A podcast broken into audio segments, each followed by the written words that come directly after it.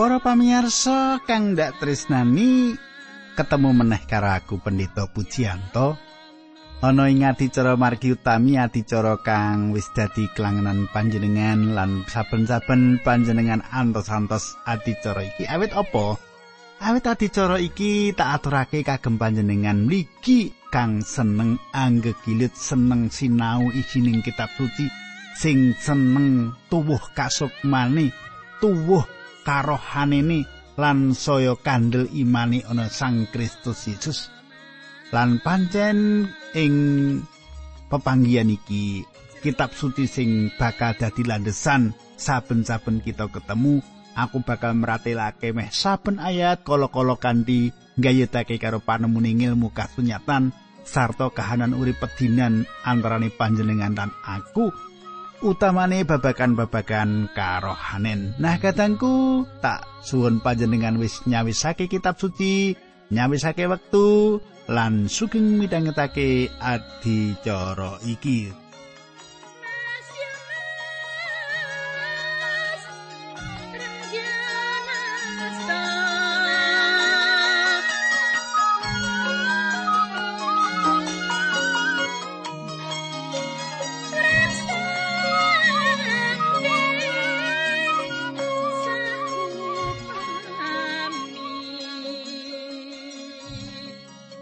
Sumitraku pepanggen kita ingati cara kepungkur wis njlentrehake bab luare bangsa Israel saka tanah Mesir. Ngluwari saka panindese bangsa Mesir. Dalan sing kudu dilewati ora kaya dalan sing sak mesini. Allah kepareng gulawentah bangsa iki kanthi nglewati dalan ing ora samun. Ing padang pasir lawase patang puluh taun. Ing nalika nyabrang segara wedi, Allah kang mau kuwasa iku mayungi wong-wong Israel kanthi tugu mega ing wayah awan supaya ngayomi wong-wong Israel ing satengahing segara wedi. Lan tugu geni sing menehi suluh pepadang ing petenging ora-ora samun. Kanthi mengkono wong-wong Israel bisa mlaku nuju tanah perjanjian ing wektu awan utawa wektu bengi perengon pancen duweni kepribadian sing keras wangkot iku mau wis dipersani dening Allah. Allah paring dawuh marang Nabi Musa yen sawise wong-wong Israel ninggalake Mesir prengon arep nguber lan duweni karep arep ngiring bali bangsa Israel supaya tetep dadi batur tukone. Sajake Allah turung rampung nggone ngajar marang prengon Ayo bebarengan ndeleng kawusanane crita iki. Apa pancen nyata yen pringon lan prajurite arep nguber bangsa Israel? Monggo panjenengan tek derekke apa wae sing ditulis dening Nabi Musa ing prastawa-prastawa mau. Nah katangku saturunge tak teruske aku ngaturake salam dhisik juga marang Bapak Purwanto lan Ibu ya. Bapak Purwanto kados pundi pawartos panjenengan Bapak Purwanto sae-sae to? Inggih kula nek suwan panjenengan. Wah wis sibuk masak enak-enakan. Kula remen sanget nggih nek suwan panjenengan ku saking batu. Menika anu Pak Pur? Menika meh 14 jam nggih. 14 jam entek 16 jam. Nembe dumugi wonten dalem panjenengan. Berarti kesele ora karuan. Terus nek dahari niku sae. Gitu enak niku kula nggih seneng. Nek kadang kula monggo kita ndedonga sesarengan Duh Kanjeng Rama ing swarga kawula ngaturaken gunging panuwun menawi wekdal menika kawula saged tetunggilan kalian sedherek-sedherek kawula lan kawula ndongaaken abdi paduka Pak Purwanto. Gusti matur nuwun. Gusti sampun dadosaken Pak Purwanto menika satunggalipun abdi Gusti ingkang asring klempakaken serat-serat ingkang mirengaken margi utami menika dipun kintun dhateng batu. Wah, duh Gusti, kawula nyuwun supados paduka berkahi kesanipun. Dinambaran asmanipun Gusti Yesus Kristus kawula nyuwun tuntunan adicara menika. Amin.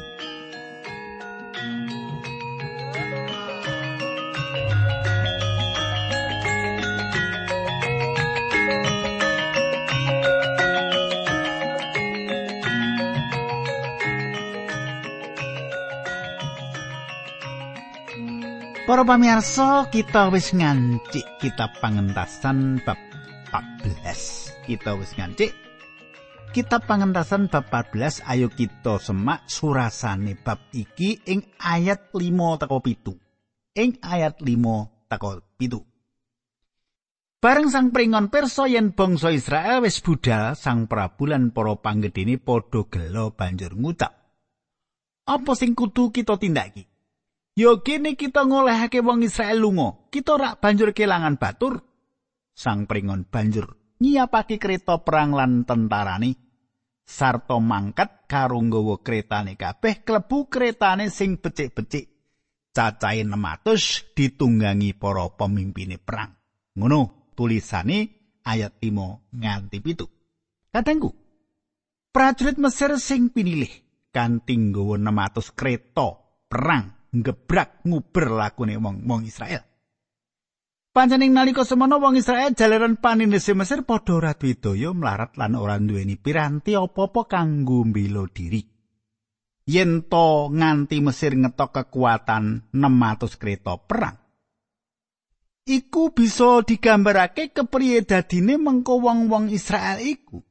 600 kereta perang lumawan wong Israel sing ora iso apa-apa, ora tau latihan perang. Bisa uga dianiaya dirodha peksa nganti ora bisa apa-apa kejaba mung pasrah apa sing dikarepake prajurit-prajurit Mesir iku mau. Wong pancen ora iso perang. Yen ora nuruti mesti bakal wah lebur tanpa dadi. Rebah kasulaya kaya babatan pacing. Ya saiki ayat 8 tak wacake pangantasan 14 ayat 8 songo 10 mengini surat sani Allah ndadekake sang pringon wangkot atine mula banjur budal saka negarane ngoyak wong Israel sing dikanthi dening Allah.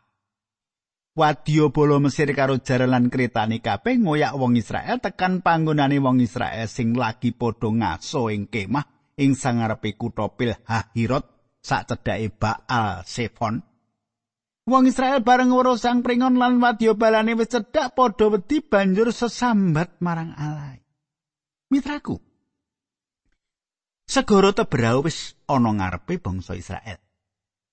Sawetara iku swara gemuruhe prajurit Mesir wis keprungu. Ayo ayo ayo ayo. Jangkai jaran-jaran lan jumlah dere pecute gawe giris. Kaya-kaya bangsa Israel mlebu pasangan perangkap ngarep ombak segara lerap-lerap.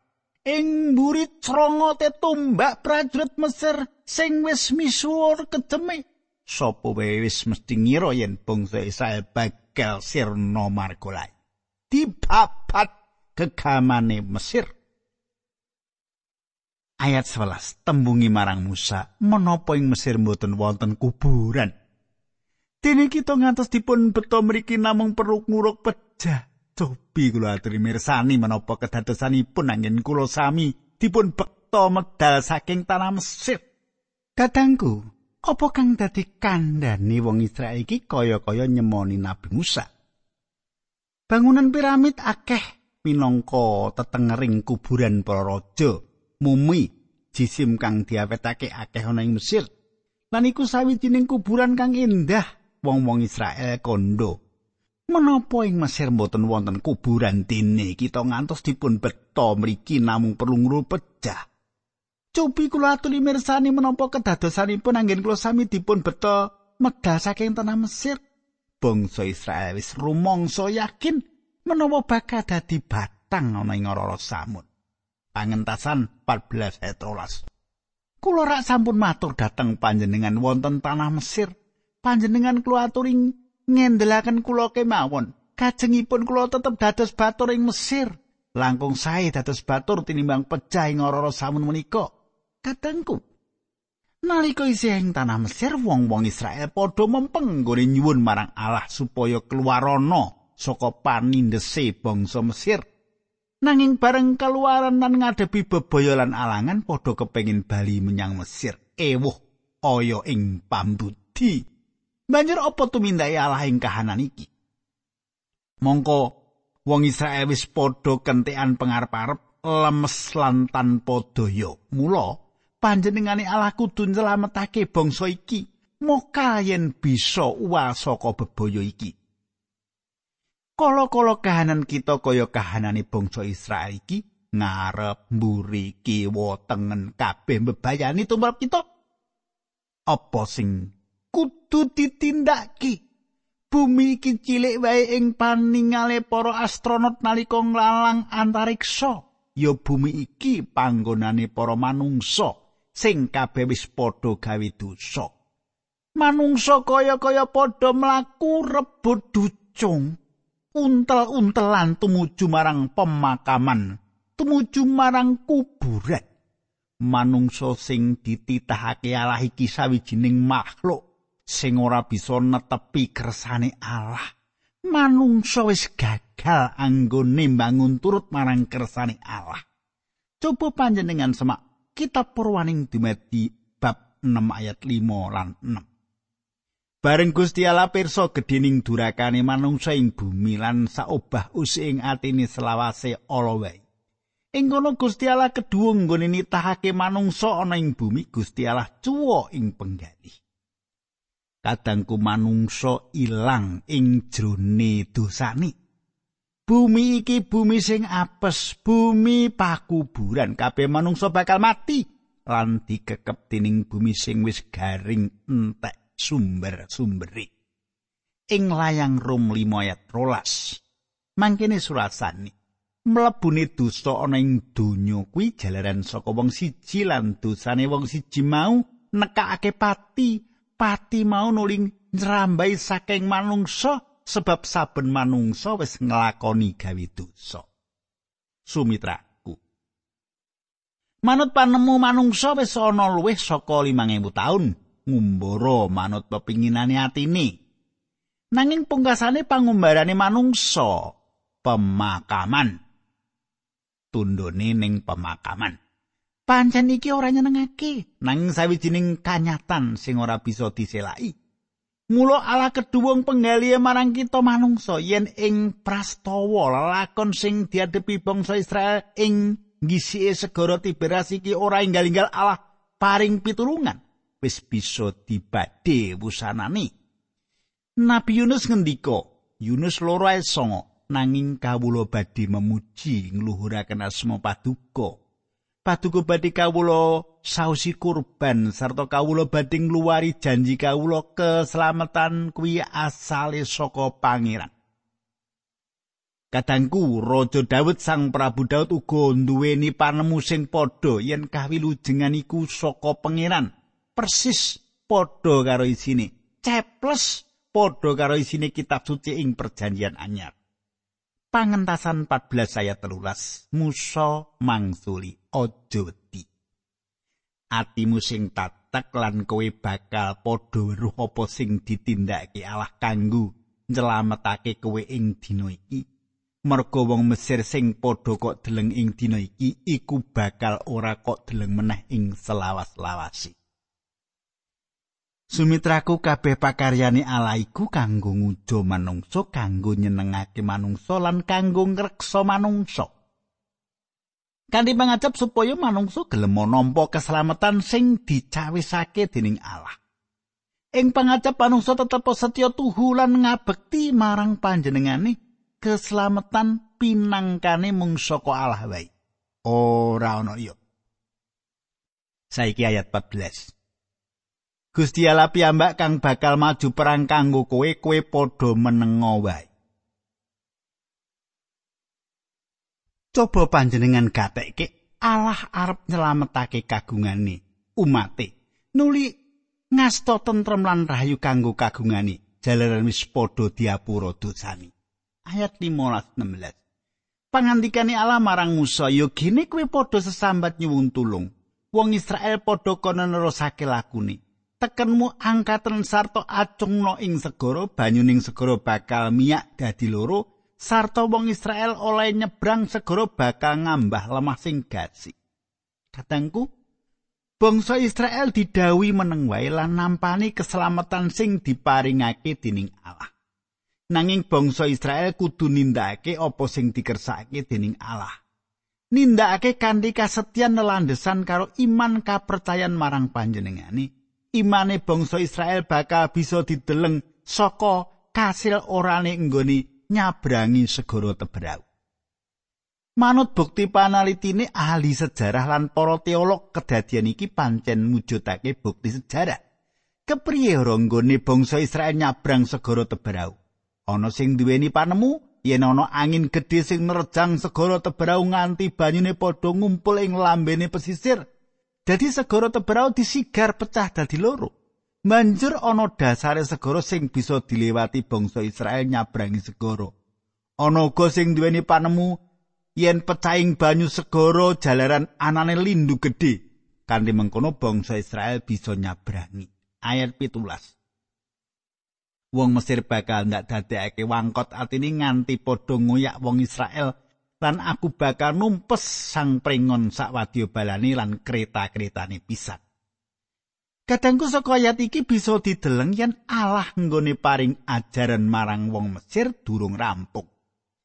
ajaran sing arep teko iki bakal mbuka paningale wong Mesir sapa to sejatine Allah iku. Panjenengan persani kaya apa wangkote wong Mesir lan prengoni isi tetep duweni karep nguber wong Israel arep digawa bali meneh menyang Mesir didadekke batur tukot. Saka bukti sing ana kedadian iku sawijining mujizat saka Allah. nalika wong-wong Israel slamet tekan sabrangan, segara tetep asap. Malah sikil-sikile wong Israel ora teles. Kahanan iki yen dinalar penalari manungsa ora bisa gaduk, awit iki sawijining mukjizat saka Allah. Saiki ayat 18 19 teko selikur tak waca iki ya.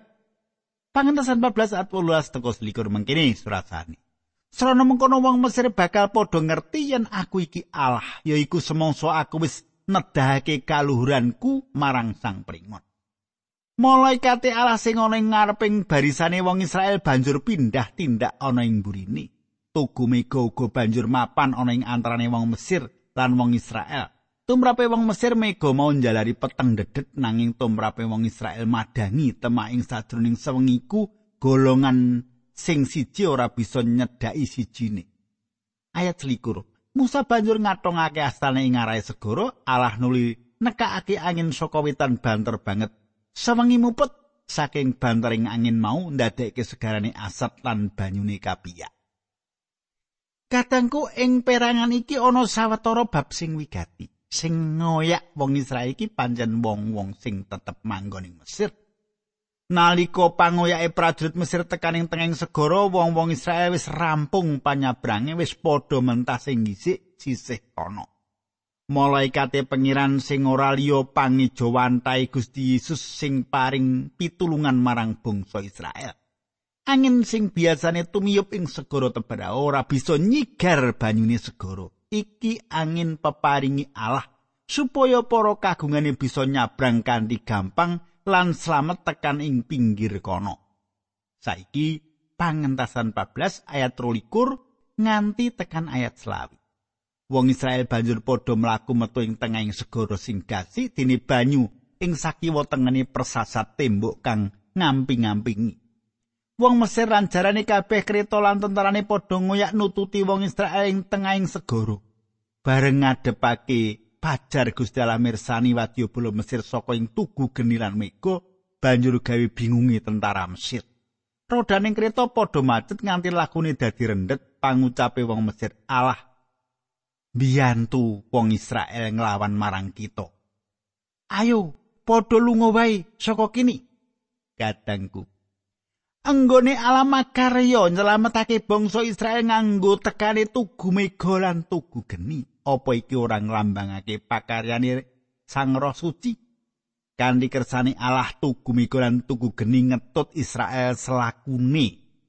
Kedadian iki ing paningale wong Mesir sawijining kedadian sing ngrame-ramake kedadian supranatural sing ora mlebu akal ing atine padha kepengin ninggalake papan iku jalaran giris ndeleng kekuatane Allah panguasane Allah pangentasan bab 14 ayat 6 likur nganti 28 mengkini tak waca iki. Pangantikane Allah marang Musa, tanganmu atungno menyang segara banyune bakal nangkep pulih ngelepi wong Mesir dalasan kereta-kereta lan balani jaranan. Musa banjur ngatongake asane menyang segara bareng esuk banyune nangkep pulih kaya maune wong Mesir padha mlayu arep mentas nanging diklelepake dening alaing segara.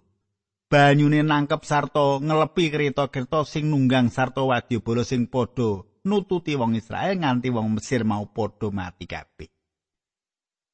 Sumitraku ora ana bukti alami sing bisa njelasake kahanan sing luar biasa iku jalaran iki mukjizat kedadian sing ora sak lumrahe. Ake wong-wong sing kepingin jelasake karan mau kanthi logika, kanthi pikiran, kanthi nalar, kanthi muter akal, muter pikirani.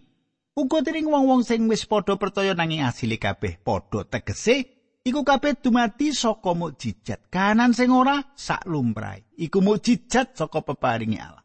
Saben wong duweni hak kanggo percaya utawa ora percaya. Pangentasan bab 14 ayat 29. Nanging wong Israel padha mlaku ngambah dasaring segara sing gasi, banyune dadi kaya tembok ing kiwa tengene. Sepisan maneh kadangku iki mujizat. Mlaku ing dasaring segara sing asat banyune lan nganti tekan sabrangi sikile ora teles. Mujizat toh? Banyune segara dadi tembok karan kerengi nalika wong Israel nratas sabrang tebrau pancen iki ora bisa dinalar ing akale manungsa mukjizat Pangentasan 14 ayat 30 nganti 31 Ing dina kuwi alang luwari bangsa Israel saka tanganing bangsa Mesir dene wong Israel padha weruh jisime wong Mesir sing padha mati pating gelasah ana ing pinggiring segara. Bareng weruh dhewe gedhening panguwasane alanggone ngalahake wong Mesir, wong Israel banjur padha wedi banget sarta percaya marang panjenengani semono marang Musa abdine. Kadang kurang ayat iki nyethakake bab tujuan pangluarane bangsa Israel, kabeh padha ngerti panguwasane Allah sing ora ana tandingi. Iki wiwitane pangumbaran sing temenan, pangumbaran sing abot nanging diwiwiti kanthi padha ndeleng panguwasane Allah. Nalika ninggalake Mesir katempuh kanthi wutaing getih lan saiki ing segara Tebrau bisa nyabrang kanthi sempurna. Lan padha ndeleng prajurit Mesir sing kompal kampul dadi batang ing lumahing banyu Tebrau. Allah Maha Kuwasa ora ana siji wae ing salumahing bumi lan kurping langit sing bisa nandingi. Kadangku semene dhisik aturku muga panjenengan kaberkan secara kasukman monggo kita tutup kanthi pandonga. Duh Rama, kawula ngaturaken gunging panumun menawi wekdal menika kawula saged sinau kayektosan saking pangandikan paduka ing kitab kaluaran.